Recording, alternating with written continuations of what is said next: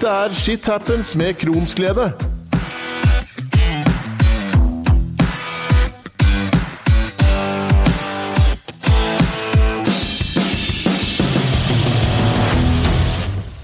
At vi alle må innom fastlegen vår en gang iblant er jo normalt. Det kan være den årlige helsesjekken, et vondt kne, en halsbetennelse, eller kanskje en føflekk som må sjekkes.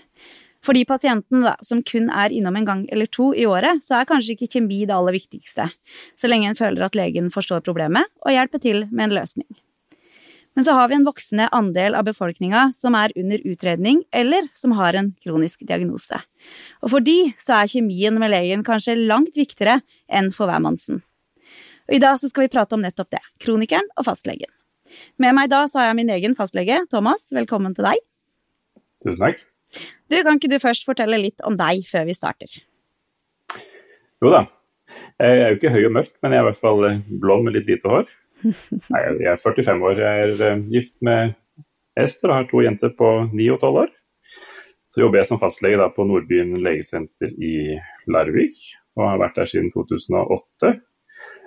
Jeg er utdanna i Tromsø, så når jeg var i turnus så havna jeg i Vest-Agder. Og så jobba litt i uh, området der noen år. Og så har jeg litt sånn ja, halvannet, nesten to års erfaring fra psykiatri da i Vest-Agder og i Vestfold.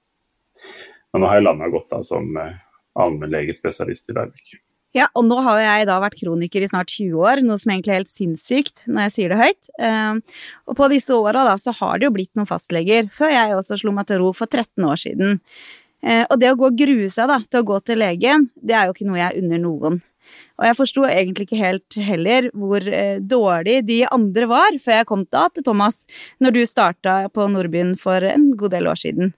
Egentlig så var det egentlig litt tilfeldig også, fordi han fastlegen som jeg hadde, han hadde jo slutta, så jeg kom jo til Thomas fordi jeg sto uten fastlege, og du skulle begynne. Um, og du gjorde noe som ingen av de andre hadde gjort før, for du så meg som Ida, og det tror jeg egentlig ikke jeg har takka deg ordentlig for, men for meg så ga det en utrolig trygghet, uh, og det er jo kanskje noe vi kronikere trenger mer enn noe. Uh, og vi trenger den legen da, som ser forbi den der maska som vi bærer uh, veldig godt, og som skjuler kanskje sannheten på hvordan vi egentlig har det. Jeg pleier å si det at vi later ikke som vi er syke, vi later som vi er friske. Eh, og det med å se bak journalen, da, det er utrolig viktig. Hva tenker du akkurat om det? Det her med å se pasienten eh, og tenke at det er noe mer bak det du får se første gangen. Jeg har vel tenkt mange ganger at um, altså jeg må møte alle pasienter på akkurat samme måte, uansett om de er en kroniker eller ikke. Når jeg møter dem første gangen, så tror jeg en del ganger at jeg rett og slett ikke har lyst til å vite så mye om dem mm. på det. Jeg har rett og slett lyst til å bare møte dem som de er, og ikke være for fordomsfull i, i forhold til det jeg vet, for det merker jeg preger meg. Mm. Um, og så er det klart at det er jo, det er jo alltid en historie bak uh, disse menneskene vi møter, på, på godt og vondt. Det er jo som en pakke som du kan pakke ut da, sånn gradvis over uh, lang tid, så jeg forventer jo ikke at jeg skal få vite alt og alle slags uh, gørrete hemmeligheter med en gang. Men det er klart det handler jo om å, å bygge tillit da, og se det mennesket. og Det er jo det er hyggelig det du sier om, om meg i forhold til hvordan jeg møtte deg. Jeg er nok ikke like hederlig alle ganger, det er jeg ikke, men, men, jeg prøver i hvert fall å være Thomas da, i møte mm. med f.eks. Ida. For mm det å kanskje være meg sjøl, og være litt personlig og være litt um, uhøytidelig, tror jeg er en måte å se den personen bak journalen. Hva tenker du er egentlig fastlegens viktigste oppgave, da? Når en person er nydiagnosert?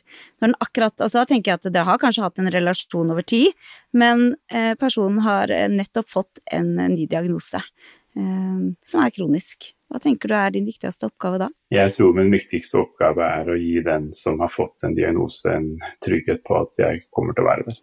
Mm. Og at jeg kommer til å hjelpe så godt jeg kan. Eh, trøste når jeg trenger det. Eh, kanskje noen ganger lege også, små og store ting. Eh, lindre mye, tror jeg. Men at de kan vite at eh, det er rom for å komme og spørre. For det er jo masse som er nytt. og Um, selv om jeg tenker jo at en allmennlegespesialist som meg, vi er jo litt superspesialister på masse. Og så innser vi jo at vi kan egentlig ganske lite om mange ting også. Så mm. Eh, så tror jeg ikke jeg kan hjelpe med å finne ut av en del ting, og så tror jeg jeg kan hjelpe med å bare rettlede til andre som eh, kan dette bedre enn meg. Merker du forskjell på hvilke behov en kroniker har til sin fastlege, kontra en som bare er innom en gang iblant? Ja, altså En som er innom en gang iblant, har jo oftest bare behov for å få fiksa en enkelt ting. Mm. Uh, en, del ting har jo, en del folk har jo behov for å De tror de må ha en helsesjekk. Det er jo ikke nødvendig, men de tror nå det. Um, så det hender jo av at vi gjør det. Og da vil du bare ha en slags uh, bekreftelse på, eller vite at uh, ja, det er passelig ok med meg. Mm. Det er klart, en, en, kroniker som kommer uh, De kommer jo ikke alltid så ofte, men når de kommer, så har de kanskje da en del ting som vi nødvendigvis ikke kan kurere de for, men bare tåle at det er ikke så bra. Eller um, høre på alt galskapen som kommer. Um, ja, noen ganger kanskje gi litt sånn veiledning da, inn i en Nav-jungel, eller et eller annet annet som vi på en måte kan uh, litt mer om, da.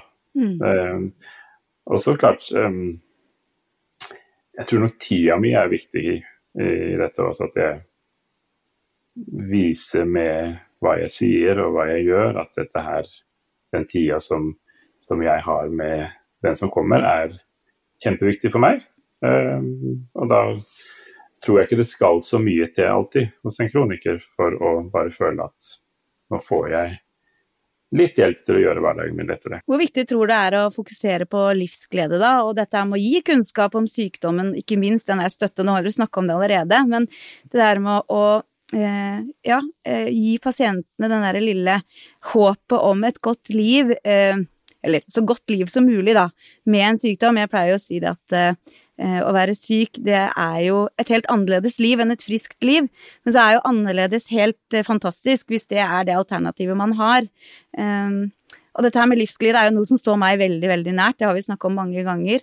Men hvor viktig er det for deg da, som fastlege å gi dette her over til en pasient? Det er jo viktig for meg til alle pasienter, tenker jeg. Mm. Um, ikke bare de som er, eh, er, kronikere, men det er klart mange er jo i en setting hvor livet er ganske humpete. Mm. Og det er klart det å, å bare gi litt håp om at det, det, er sannsynligvis bedre. Altså, ja, jeg har noen pasienter med ME, og de syns jo at livet er ganske bånn i bøtta, fordi de mm. orker ikke noe. Mm. Men all erfaring til nå tilsier jo at alle blir jo friske en eller annen dag. Altså såpass godt fungerende at de egentlig ikke merker noe til det. Mm. Uh, så er det andre som har diagnoser som vi vet de kanskje ikke blir friske av, men, men uh, vil sannsynligvis leve mye bedre med etter hvert. Um, så klart jeg kan bruke av erfaringen min da, og kunnskapen min til å normalisere litt uh, det derre um, helvete i framtida som de ser for seg. Mm. Om det bidrar til livsglede, vet jeg ikke, men kanskje en sånn tro på at det i hvert fall ikke blir helt jævlig. da. Mm. Og at det som er foran det, det skal vi klare um, på et vis. Jeg tror det er kjempeviktig, i hvert fall, for jeg fikk jo ikke den når jeg var 17 år syk. Jeg trodde jo at livet mitt var over. At dette her var på en måte ikke noe Nei, nå var livet mitt å være på sykehus resten av på en måte ikke skulle ha noen ting. Var, var ikke håp om noe. Eh, jeg tenker at eh, det er en veldig viktig oppgave, da, det der med å gi den derre eh, håp om at det vil ikke være like jævlig hele tida. Ja, det vil komme opp- og nedturer, men de der oppturene kan være ganske bra, da. Og så er det jo ikke noe tvil om da at uh, kjemi er jo viktig, det tror jeg vi er enige om begge to. At det her med en viss kjemi mellom fastlege og pasient, det er jo en, en god ting, da. Men så er det jo ikke sånn at det bestandig er like enkelt. Uh, hva tenker du om det? dette her med kjemi og ikke-kjemi, eh, kan det fungere selv om kjemien ikke er der? Ja, jeg skal være ærlig nok og si at jeg har jo pasienter jeg ikke liker. Mm. Ikke for at det er noe galt med de på en måte, og det er, det er heller ikke noe galt med meg, men altså, vi er to individer som på en eller annen måte ikke alltid får det til å funke. Mm. Så er det jo jeg tenker, min oppgave da å møte alle da på en, en god måte likevel. Det er jo et begrep som heter sånn heart sink patient, altså hvor du går på venterom og så bare Å nei, mm. ikke du igjen. Mm. Eller jeg vet ikke helt hvordan jeg skal møte deg i dag, for mm. jeg kunne ikke hjelpe deg sist. Eller til slutt da med en uh, ugrei sak, eller uh, misfornøyd med meg og hva jeg gjorde eller hva jeg sa. Men, men jeg må liksom prøve å være uh, litt profesjonell i det òg, da. Mm. Og tenke at uh, jeg skal være normalt høflig, um, normalt hjelpsom og blid. Um, hvis jeg har en dårlig dag, så får jeg prøve å la være og vise det. Eh, og så gi de det de fortjener av hjelp. Eh, så betyr ikke det at jeg nødvendigvis gjør alt det de vil. Så det er jo en, eh, det er kanskje det som noen ganger fører til litt sånn dårlig kjemi, da. Mm. Mm. Når det er en viss sånn mismatch mellom tilbud og etterspørsel. Mm. Et ønske om et, et høyt grad av service, og det har ikke jeg lyst til å tilby. Mm. Eller kan du henvise meg hit og dit overalt? Nei, hvorfor det?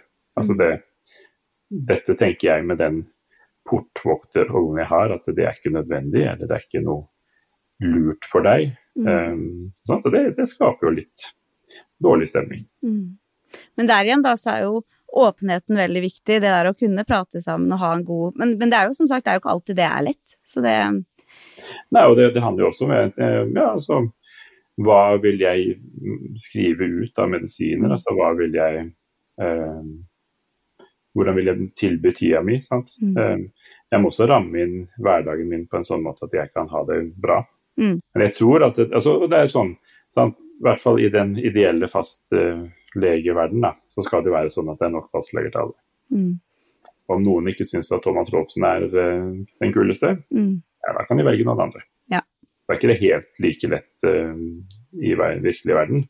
Men, men da er det liksom sånn at de som syns det er greit å være hos meg, de kan fortsette å være det. Mm. Og de som da er misfornøyd med, med meg, ja, da kan vi skilles som eh, Mm. greie venner og si at uh, prøv et annet sted. Ja. Det går bra. Mm.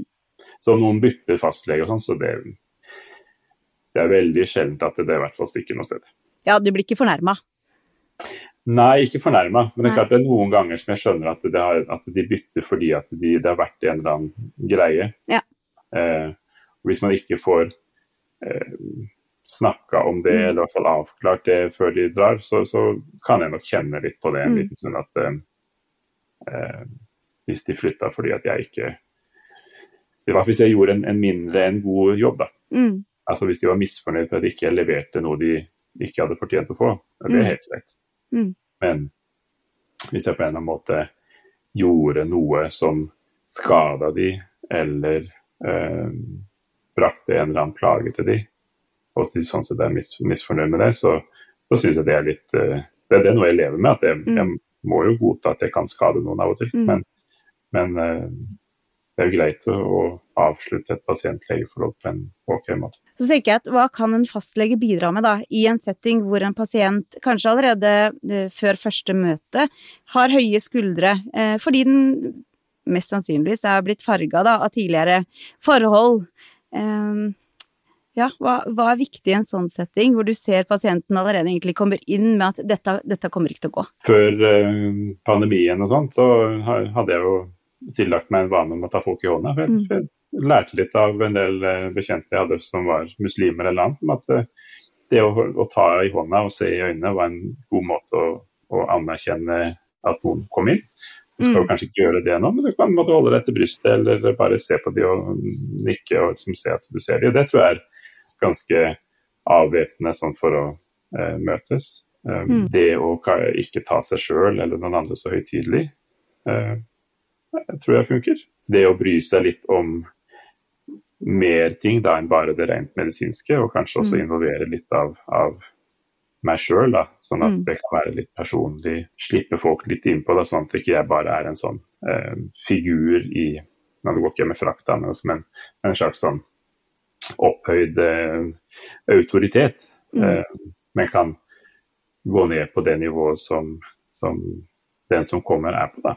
Du må jo kjenne litt etter. da, sant? Altså, noen er jo eh, mer utrygge, usikre i Mm. møte med meg enn andre, så jeg må jo kjenne litt etter hvordan de, de har det og sånt. Og eh, ja, kanskje generelt være nysgjerrig på hvem de er, da, hvor de Mm. kommer fra, og hvorfor de har eh, av alle grunner funnet ut at de ville komme til meg. da. Mm.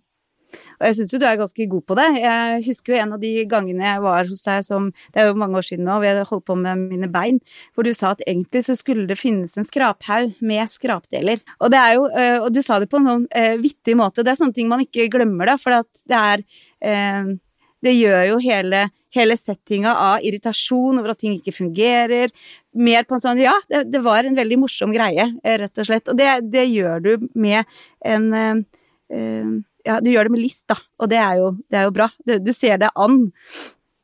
Men eh, over til noe annet. Hva tenker du når vi vet at det er ganske vanlig at en går opp til år med plager i fordøyelsessystemet før diagnoser med IBD blir satt? Men mange kronikere de synes det er vanskelig å bli tatt på alvor, eh, fordi at de går med plager da som ikke diagnosen eh, Altså, de får ikke diagnose. Så vet vi at her tar det faktisk årevis før de får diagnoser. Og følelsen av ikke bli tatt på alvor, den er jo ikke god. Hva tenker du om det? Det er høyst problematisk hvis, eh, hvis, man går med en opplevelse av at i hvert fall jeg ikke tar det på alvor. Mm. Um, at spesialisthelsesystemet har for dårlig kapasitet denne ganger. Og uh, ventetida på utredning og sånt er for lang. Det, det er jo et kjent tema mm. som dessverre skaper mye krøll. Mm. Um, det er jo en del ting som, som uh, man kan gjøre selv om man ikke har en diagnose. da. Mm. Og det er mange som har plager, men vi har ikke diagnose på det. Så vi må jo leve med at det er eh, Altså en diagnose er jo bare et forsøk på å tolke masse symptomer. Vi kan jo løse, eller i hvert fall hjelpe på en del av de plagene folk har mens de venter. Mm. Eh, kan mase, ringe, eh, purre på timer. Mm. Prøve å altså, få folk inn et annet sted der de kanskje henvises første gangen. Gjøre litt da, med den muligheten vi har. For klart, jeg kan ringe til et sykehus, få snakke med en spesialist eh, si at vet du hva, nå brenner det på dass. Mm. Bokstavelig talt. Mm. Mens det kan jo ikke du. Nei. Eller noen andre som er syke. Og det, og det å kanskje bruke den makten vi til dels har, da, til mm. å, å, påvirke de som skal hjelpe og prøve å utrede, det tror jeg vi må gjøre så ofte vi kan, egentlig. Være, litt, være litt lagsomme overfor de som for det er veldig lett for en sykehusspesialist å bare skjule seg nei, det er liksom to måneders ventetid, og sånn er det. Og vi har ikke kapasitet, og de må bare gjøre sånn og sånn. Ja, det skjønner jeg også, at du er del av et sånt system. Men her har vi da han eller henne som ikke har det bra. Det går ikke an å holde på i to måneder før vi kommer noe sted. Eh, mm. Dette må du finne ut av på et vis. Og så er det jo den derre eh, jeg tror alle alles redsel eh, er jo eh, å få høre at ja, men eh, vi, finner, vi, finner, ikke ut av det her. Så da um, da er det vel kanskje i hodet ditt, da. Eller altså, det er jo ikke noen som sier det, men man går jo og tenker det, ikke sant. Man blir jo eh, Det er jo veldig mange kronik kronikeres eh, skrekk. Den derre um, Den tida fra man blir syk til man får den diagnosen. Det er jo mange som jubler når de får diagnosen sin, for endelig så blir de tatt på alvor. Og det er også mange som eh, føler seg sett på en helt annen måte idet de kan slå eh, på en måte diagnosen sin i bordet. Nå vet jeg ikke om det nødvendigvis gjelder hos fastlege, men jeg, altså for min del så fikk jeg diagnosen veldig fort, så jeg har ikke vært i den, i den eh, bulken der. Men jeg må jo si at jeg får helt vondt av å høre om de som, som eh, ser så stor forskjell på hjelp før og etter diagnose, da. Det er jo trist at det skal være sånn. En diagnose gir deg jo en del rettigheter, da. Mm. Og det er jo et problem at hvis du ikke har f.eks. en diagnose cøliaki, så får du ikke noe stønad til det fordyra kostholdet du har. Um, mens det er jo mange som da går og har mye plager fra tarmsystemet sitt, men bare ikke har antistoffene eller en positiv eh, biopsi fra tolvfingertarmen. Mm. Um, så det er klart, der hjelper jo diagnoser sånn både økonomisk og rent praktisk. Um, jeg håper jo at det er mer og mer sånn at selv om man ikke nødvendigvis har en diagnose, at man likevel blir tatt på alvor. Mm. Jeg tenker at de som kommer til meg, bruker jo ikke av tida si bare fordi de har lyst til det. Nei og sitter på et rom mitt og venter er forsinka, og, da, da, da, og så mm. kommer de inn og, og klager på at det, at det, er et eller annet som er gærent, og så, og så går de igjen. Så mm. syns de det er gøy, og så kommer de tilbake og gjør det neste uke. Jeg tror det er ganske få av de. Jeg tror det er ganske få av de. Mm. Um, men, men, altså, jeg kan jo, uh, selv om man ikke selv om man bruker lang tid på å, å utrede og sånt, så, så, kan vi jo gi et, uh, en opplevelse av å allikevel være viktig og, mm. og at jeg som fastlegen da, eller sykehusspesialisten som møter faktisk eh, tar de på alvor. da. Og tåler at det, de er uavklart syke. Um, tåler at det er en usikkerhet som vi ikke helt vet hva er. Um, å leve med da, Toke. Dette rommet mellom oss, vi vet ikke helt hva som er der. Vi vet ikke helt hva som er problemet ditt, men vi prøver å finne ut av det i fellesskap. At fastlegene kan mye, er det jo ingen tvil om. Eh, men det sier jo seg sjøl at dere kan jo ikke alt, det har hun nevnt litt på tidligere. Sjøl opplevde jeg en ganske rar greie. Nå er det kjempemange år siden. Jeg var på en legevakt i Arendal. Eh, og den legen han påsto hardnakka at det var umulig å ha um, betennelse i uh, tynntarm eller i magesekk når du har Crohns. Og han ga seg ikke, han var frekk, han var lite hyggelig, og ville egentlig bare sparke meg ut fra det rommet fortest mulig, for jeg jugde, rett og slett. Uh, og til slutt så ba jeg han om å google. Jeg sa at vet du hva, nå, jeg går ikke ut herfra før du har googla uh, Crohns, enten da i dine legebøker eller at du rett og slett googler, for det er så enkelt å finne ut av. Og han gjorde jo det, eh, og fikk seg jo en liten eh, aha-opplevelse, tror jeg. Jeg fikk en relativt dårlig unnskyldning, eh, og der og da så var jeg skikkelig irritert, husker jeg. Jeg var jo ung også, da. Et, men i ettertid, da, så har jeg hatt ganske sympati for han fyren. For jeg tenkte at det må jo være ganske umulig, da, å kunne nok om alle disse sykdommene til alle de rare pasientene som kommer innom. Eh, så hvordan løser, løser, dere det, da? Når eh, en av deres pasienter kanskje får en sykdom som dere ikke kjenner nok til, eller når dere føler at vet du hva, her kommer jeg til kort? Da må man eh, dra ned egoet sitt litt igjen, tror jeg. Mm. Og så tenke at ja, greit nok, jeg har gått seks år på skole, jeg har jobba x antall år etterpå det, jeg har blitt spesialist i det meste. Mm. Men likevel, jeg kan jo ikke alt da må jeg bare tenke sånn at nei, da får jeg gjøre som i spørreprogrammene på TV. Da ringer jeg en venn. Mm. Det er eh, ikke veldig flaut å gjøre. Det er egentlig nei. veldig greit å gjøre. Eh, ring en eh, vakthavende på sykehuset eller noen du kjenner, et eller annet. Eh, legg ut en eller annen eh, anonymisert sak på et eh, Facebook-forum du er en deltaker på. Et eller annet mm. som jeg kan gi deg litt input for. Vi er, altså, vi er kjempegode til å eh, sortere i alle disse symptomene og prøve liksom å, å, snevre oss inn til et eller annet som gir mening. Men det er klart, det er mange ting som, som jeg ikke kan og ikke har eh, kunnskap nok om. Men jeg kan skjønne nok, tenker jeg, til å vite at når jeg må be noen andre om mm. å ta over, ta over. Så det gjør jeg ofte. Mm. Og jeg tror det også kan gi litt respekt, da.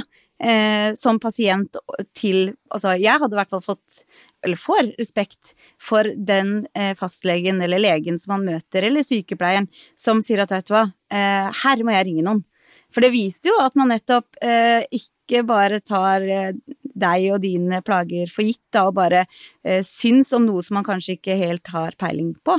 Så jeg tenker at det viser jo en, en form for ja, at du tar pasienten på alvor.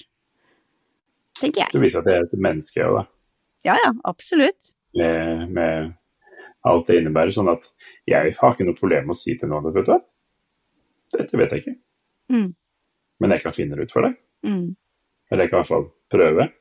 Mm. Så det gjør jeg jo ukentlig. Og, og når mm. noen spør om noe som de forteller om et eller annet, og liksom jeg vet hva, hva det er for noe, Mm. Det er ikke sånn umiddelbart, men, men uh, kanskje en fysioterapeut vet, eller mm. kanskje vi kan uh, sende deg til sykehuset, eller et eller annet sånt. Mm. Eller så bruker jo det som er uh, god allmennmedisin, og venter litt. Mm. Se om det går over. over. Ja. og som det er helt uinteressant å vite egentlig hva det var. Mm. Mm. Men det var en eller annen plage. Et eller annet som var vondt, et eller annet som var hovent og, og sånt. Men ja. Det gikk over. Det gikk bort. Ja. Men det er klart, Altså Hvis du tenker på Crohns, sånn, de har jo en del pasienter som har kommet med eller en del, noen som har kommet med gjentagende sår i munnen, f.eks. Mm. Som eh, liksom lurt på hvorfor har de sånne virusblemmer i munnen. Og når det bare har gått nok år, eh, plutselig så kommer det forandringer et annet sted i tarmsystemet, mm. ja, da ga det jo mening, da. Ja. Da kobler man liksom den, disse funnene i kanskje tykktarmen sammen med eh, sår i munnen, ja, mm. det er jo Crohns i hele tarmsystemet. Mm. Fra leppene til endetarmsåpningen. Mm. Det, så jeg har noen sånne hvor, mm. hvor rett og slett da bildet blir komplettert etter hvert som tida går, fordi at du mm. får plutselig noen nye mm. funn, nye symptomer fra et annet sted som, som gjør at du skjønner av hva det er. Puslebitene ja. rett og slett etter litt på plass. Ja. Jeg har faktisk hørt da, av en lege som jeg traff i en privatsetting for en stund tilbake, eh, at eh, kronikerne er mange fastlegers største skrekk. For legen vet at sjansen for at den personen som kommer inn, har en enorm kunnskap om egen sykdom, eh, og kanskje også overgår legens, noe som da gjør legen nervøs, og føles, at han føle han eller hun kan føle seg kunnskapsløs, eller at den kanskje ikke kan strekke godt nok til i forhold til å hjelpe pasienten. Hva tenker du om det utsagnet? Jeg tenker vel at jeg har egentlig ganske mye å lære av disse kronikerne. Mm. Fordi at hvis de har opparbeidet seg mer kunnskap om uh, sin sykdom enn hva jeg har, så kan jeg bli flinkere på det de plages med. Mm. Jeg syns det er noen ganger vanskelig å møte de som jeg ikke forstår hva er galt med, Mm. uh, og som ingen andre forstår hva er galt med heller. Og som uh, blir veldig inne i sin egen sykdom. Mm. Og ja, nesten litt sånn Forstå meg rett, er litt sutrete. Mm. Um, kravstore. Um, de syns jeg er vanskeligere å, å møte. Men det er ikke så mange av de, da. Og det, er nok mer, det har ikke noe med sykdommen å gjøre, det har nok mer med personligheten å Mm. gjøre. Så jeg tenker at det, det jeg, kan, eh, jeg kan lære utrolig mye av de som er eh, kronisk syke. Ja, nei, må, noen må jeg nok legge meg litt sånn ekstra i selen for å, Mm. for å møte på den gode måten. Å Og være åpen og nysgjerrig.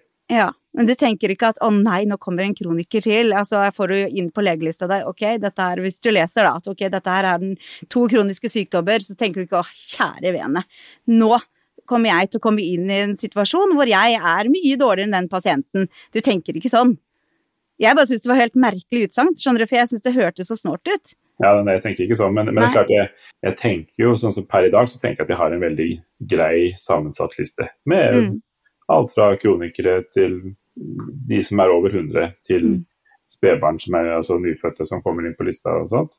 Passelig blanding av psykiatri og annet. Men det er klart, altså jeg, jeg hadde jo litt klump i magen da jeg plutselig hørte en som sa at vet du hva, de snakker om deg på DPS-en, så jeg anbefaler alle å, å velge deg som fastlege. Ja. Jeg har ikke jeg har ikke behov for å ha en veldig sånn skeivselektert liste med, med veldig mange i én kategori. Nei. Og psykiatri bare det som var eksempelet, men hvis, alle, alle med Crohns da Mm. ville plutselig velge meg som fastlege Mm. Jeg tror jeg ville på en måte tenkt at jeg, jeg vil heller ha en så passelig blanding av Ja. alle. Ja, en velger jo også yrke Du har jo valgt yrke som fastlege fordi du syns det er spennende med mange forskjellige eh, Ja, altså mange forskjellige arbeidsoppgaver i løpet av en dag. Ja, det var derfor jeg hoppa av i psykiatri, for jeg, jeg var jo på vei til å bli psykiater sånn Mm. halvannet år inn i, inn i det, men jeg syns jo det var for kjedelig. Ja. Altså jeg savna, variasjon, jeg savna det å møte barn. Det Mm. å måtte liksom eh, lirke og lokke og, og prøve å få til en, en god samhandling med de for å få undersøkt de. Det er å måtte holde på med litt sånn små kirurgi. Um, ja, litt sånn. Så, så jeg, på en måte, jeg, jeg tror jeg har, jeg har det veldig fint nå med den Mm. blandingen av oppgaver og, og ting man møter nå. Altså. Nå tenker jeg at vi skal over til noe helt annet, for det er jo foretatt en studie der norske forskere har sett på data fra 2,4 millioner pasienter på lister til 2560 fastleger, og undersøkt hva som skjedde med hensyn til fastlegekonsultasjoner, legevaktskonsultasjoner, akuttinnleggelser på sykehus, når fastlege fikk en plutselig avbrudd på minst da to måneder. Kort oppsummert så viser jo den studien viktigheten i kontinuitet i allmennpraksis overfor pasienter. Hva tenker du om funnene i denne studien? De funnene der, og for så vidt også i en annen norsk studie som er kommet, det illustrerer jo bare det at hvis det fortsetter sånn som nå, når det er eh, så mange mennesker som ikke har en fastlege, eh, og som ikke har den kontinuiteten som er der, så kommer vi til å overbelaste helsesystemet vårt noe helt enormt. Mm. Eh, for det å ha en fastlege som du kan gå til, og som, som, har en, eh, som kjenner deg, gjør jo at eh, man både kan løse flere ting. Eh, det senka jo henvisningsgraden ganske mye. og det, det, det den andre studien viste, var jo at hvis du hadde hatt fastlege i så lenge som 15 år, da, så hadde du 25% mindre risiko for dødelighet og for å Mm. bli lagt inn på sykehus. Um, og det, det er klart Vi besitter jo enormt mye kunnskap om si, Hvis jeg tar utgangspunkt i deg, så kjenner jeg Mm. deg. Mm. Men jeg kjenner jo barna dine, jeg kjenner mannen din, jeg kjenner eh, eh, f- søsteren din, og, altså, Jeg kjenner masse rundt alle, ja. i nettverket ditt. Og det er den styrken som vi fastleger har, at vi, Mm. vi blir kjent med et helt uh, hierarki av mennesker som, Mm. som har betydning for deg som pasient. Mm. Og det gjør at jeg kan løse da helt andre ting fordi at jeg kjenner deg sånn, enn hva en, en hvilken som helst vikar da, som kommer Mm. inn og bare har en korttidskunnskap. Vi hadde vikarer hos oss i sommer, og vi så jo at graden av henvisning til MR og spesialistutredning og sånt var mye høyere Ja. for mindre ting, Mm. i at ikke de kjente de. Mm. Jeg vil ha nok reagert på samme måte som vikar, med å lettere ty til å Mm. søke hjelp. Mens jeg nok eh, med en- en god kjennskap kan forebygge mye Altså Jeg har ikke lyst til å kalle det for unødige innleggelser, men det er klart man kan løse ganske mye uten at de må bli lagt inn på sykehus. Mm. Um, fordi at vi kan både kanskje øke tilgjengeligheten vår en del. Altså kan ringe meg også privat hvis det er noe. Um, um, kan gi en behandling som jeg vet funker, og som da gjør at man kanskje kan utsette behov for mer hjelp lengre. Mm. Og kan jo da med kjennskap til en pasient si at vet du hva, dette tror jeg ikke er så farlig. Mm. Ja. Det du forteller meg nå gjør meg ikke veldig redd. Mm. Jeg skjønner at du kanskje er bekymra for det, men dette tror jeg vi fint kan se an noen dager til en uke, et par uker. Mm. Um, er det fremdeles der? Ikke noe problem. Vi kan eh, absolutt få tatt en MR av et kne eller noe sånt, men, Mm. men det er ikke akkurat nå, så tror jeg dette er helt greit.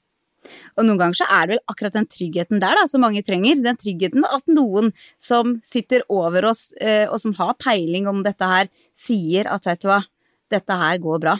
Dette her ordner seg, eller vet du hva, dette her er ikke farlig akkurat nå, vi ser han. Jeg tenker at det kan være akkurat det en som har det veldig vanskelig, trenger. Den kunnskapen vi får da gjennom eh, en kontinuitet over mange år i et pasient-legeforhold, det tror jeg er helt uh, unikt. Mm. Så eh, jeg tror ingen har lyst til å gå tilbake til et system hvor du bare hadde en vilkårlig lege. Det tror jeg ikke. Men, men klart det er eh, strukturelle problemer i fastlegeordningen i dag eh, Mm. som forrige helseminister i hvert fall ikke hadde lyst til å løse på en, en god måte. Um, for jeg trenger ikke sant, altså, Dette blir jo mye helsepolitikk, men altså, jeg trenger ikke noen som skal uh, løse pasientkontakten min. Jeg har behov for noen som kan hjelpe meg med alt det andre, som er attester til skoleelever på videregående skole, eller um, alle som skal ha en eller annen slags uttalelse fra meg fordi at Mm. jeg er fastlege. Mm. Jeg har behov for at sykehusene tar mer ansvar for sine greier, ikke skyver Ja. det til meg at jeg skal sykemelde, og jeg skal henvise, jeg skal dit og datt. Mm. Hvis de rydder i eget reir på det, så har jeg, i hvert fall- jeg i hvert fall en litt bedre hverdag. Mm. Um, så det hjelper ikke meg å ha en sykepleier i et primærhelseteam ansatt hos meg. Nei. Fordi at jeg klarer fint å gjøre den helsemessige oppgaven, men trenger noen, Mm. vi trenger flere som kan da bare ta ansvar for noen pasienter, fordi det er måte det er mer krevende etter hvert. De skal Mm. ha mer ytelser, de skal ha mer eh, oppfølging, og det, da må man bare ha mer hender. Så, så jeg får håpe Kjerkol kan eh, komme opp med litt mer penger. Det får vi Det håpe er- på. Finansiering av de, for Mm. de som er inne i systemet allerede, og det er finansiering sånn at det kan bli lettere å være flere. At de som er nyutdanna har lyst til å komme inn fordi at ikke det tar livet av de å, å, å investere i en praksis. Og, og de som er inne i systemet allerede kan føle at jeg trenger ikke å jobbe 56 timer i uka for å Mm. få hodet over vannet eh, og få businessen min til å gå rundt. Vi trenger jo fastlegen, det sier jo seg sjøl. Vi blir ikke noe mindre eh, verken sykere eller Altså, vi ser jo eldrebølgen, den er jo virkelig Vi har en tøff periode foran oss. Så jeg tenker at eh, eh, vi trenger alle fastleger, og eh, vi trenger jo at dere har den hjelpa dere eh, trenger for å nettopp klare arbeidsoppgaven dere best mulig. Vi som pasienter vil jo ha en fastlege som har tid til oss, som ser på oss når vi kommer inn, og som eh, ikke omtrent skybar oss ut døra idet vi har satt oss, ikke sant. Og det eh, blir jo vanskelig for en fastlege når han har en bunke med papirer opp til hit som skal gås igjennom, og han vet at eh, det er barn som skal hentes i barnehagen, det er middag som skal lages. Dere er jo mennesker, dere òg. Så det er jo en kabal som skal gå opp, gås opp for dere også. Så jeg ser absolutt den. Vi vil jo alltid ha et sånt akuttansvar for pasientene våre på dagtid. Så det klart det at, eh, at vi kan bli forsinka og sånt, det, det kommer man nok ikke utenom. Men Eh, jeg tror nok at det er en del som opplever at de kommer til fastlegen sin og nesten ikke får tid til å sette seg ned på. Mm. Yes. Jeg har et sånt ambivalent forhold til det å skrive lister. Sant? De som, å ja, vi har tatt med en liste. Så bare sånn, Ja, så fint, da. Skal vi gå gjennom den? Det er litt ekstra pust for å Mm. å vite hvordan jeg skal møte det. Men, men det, er en, det er jo en god hjelp for å strukturere hva man skal ta opp. Mm. Så kan vi heller prioritere hva som er viktigst. Mm. Um, jeg tenker at et, et kvarter uh, klarer man å håndtere ganske mange ting på. Men jeg må jo også være innstilt på at ok, kommer det noe som tar tid, ja da må jeg bare ta den tiden det trenger. Da. Mm. Ja. Eh, Eventuelt å tenke at ok, hvis, hvis dette er noe som vi fint kan fortsette en annen gang, så kan man si at ok, nå, nå løser vi det vi kan nå på dette kvarteret eller denne halvtimen, og så setter vi opp en ny time om en uke. eller noe sånt. Mm. Men da må jeg vite at jeg har timer om en uke. Ja, selvfølgelig. Det er klart en del som, som da har for lang ventetid, da, Mm. eh, hvor kapasiteten er for sprengt. Og det er klart, Mm. Da har man ikke den fleksibiliteten i, i sitt eget system. Da. Nei, og vi hører om det nå, i forhold til korona og alt dette som er her nå, hvor folk eh, sitter hjemme med halsbetennelser og ikke kommer inn til legen sin på tre uker. Da er på en måte uh, og, og da må jo de igjen da benytte seg av uh, legevakt, eller prøve å finne noen andre som kan hjelpe dem. Så det er klart at det blir jo en veldig ond sirkel, dette her. Og det blir jo ikke noe mindre å gjøre for fastlegen heller av den grunn. Så det er jo, det er jo et, et, et stykke arbeid som må gjøres her. Ja, for det er altså Hvis du bare tar det med antibiotikaforskrivning, så er det jo betydelig høyere forskrivningsandel hvis du kommer på en legevakt, eller hvis Mm. du ringer til doktor Kry eller et eller annet sånt, um, som da igjen ikke kjenner deg. Mm. At, um, mens uh, jeg kan i større grad si at vet du hva, ja, det høres ut som du har en urinveisinfeksjon, men ikke så veldig sikker på om det er det. La oss heller sende inn den urinen, se et par dager, se hva slags svar vi får, se om symptomene dine går over.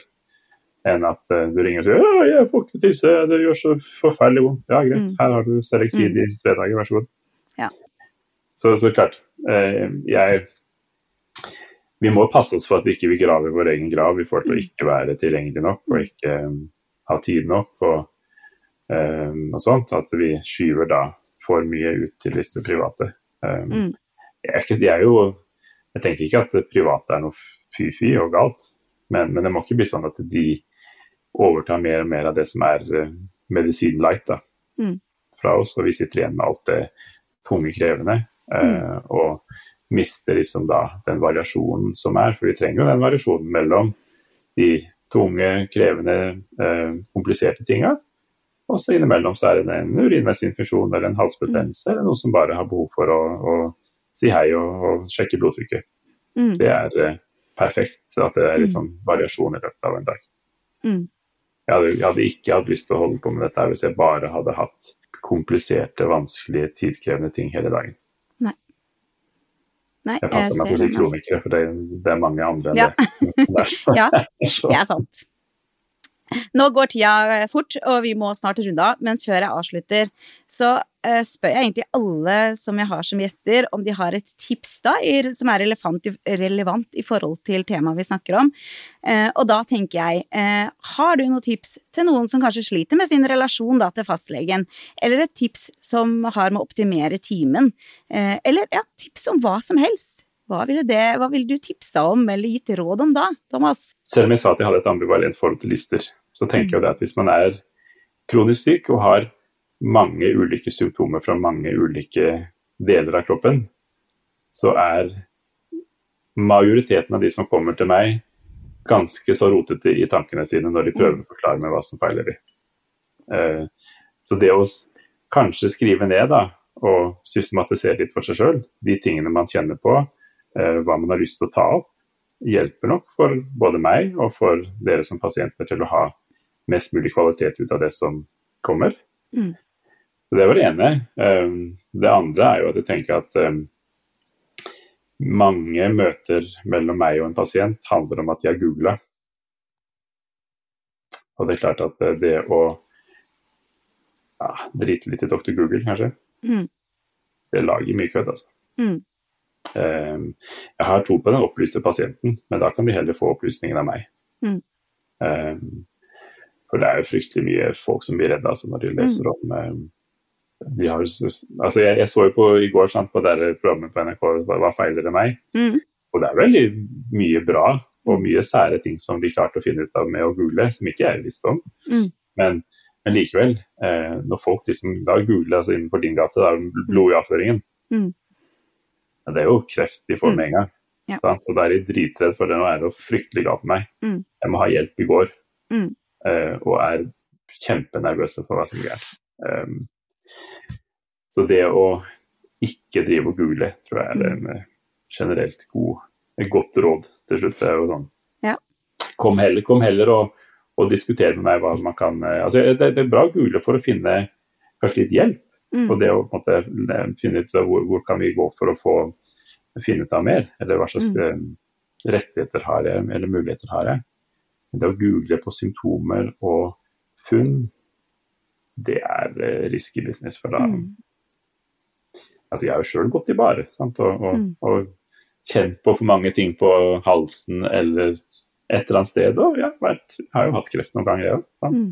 Ja. Oppe i huet. Mm. Um, og latt meg forlede av symptomer og frykt. Mm.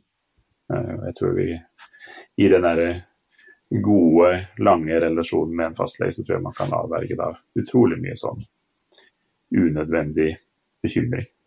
Og det tenker jeg også i forhold til ha, om du har fått en diagnose. Eh, jeg vet jo bare det sjøl. Hvis du går inn og googler Crohns, da, eller IBD generelt, så er det jo ikke eh, Det er ikke de happy Eller happy, det er ikke de vanlige litt sånn gode tinga som kommer opp. Det kommer jo gjerne opp historier fra noen som har operert 53 ganger, vært døden nær. Altså det kommer jo opp historier som, som gjør at du tenker at shit, der er livet mitt over. Nå kommer jeg bare, nå kan jeg bare sitte og vente? Og får du den beskjeden i en allerede sårbar situasjon, så gir man opp, da.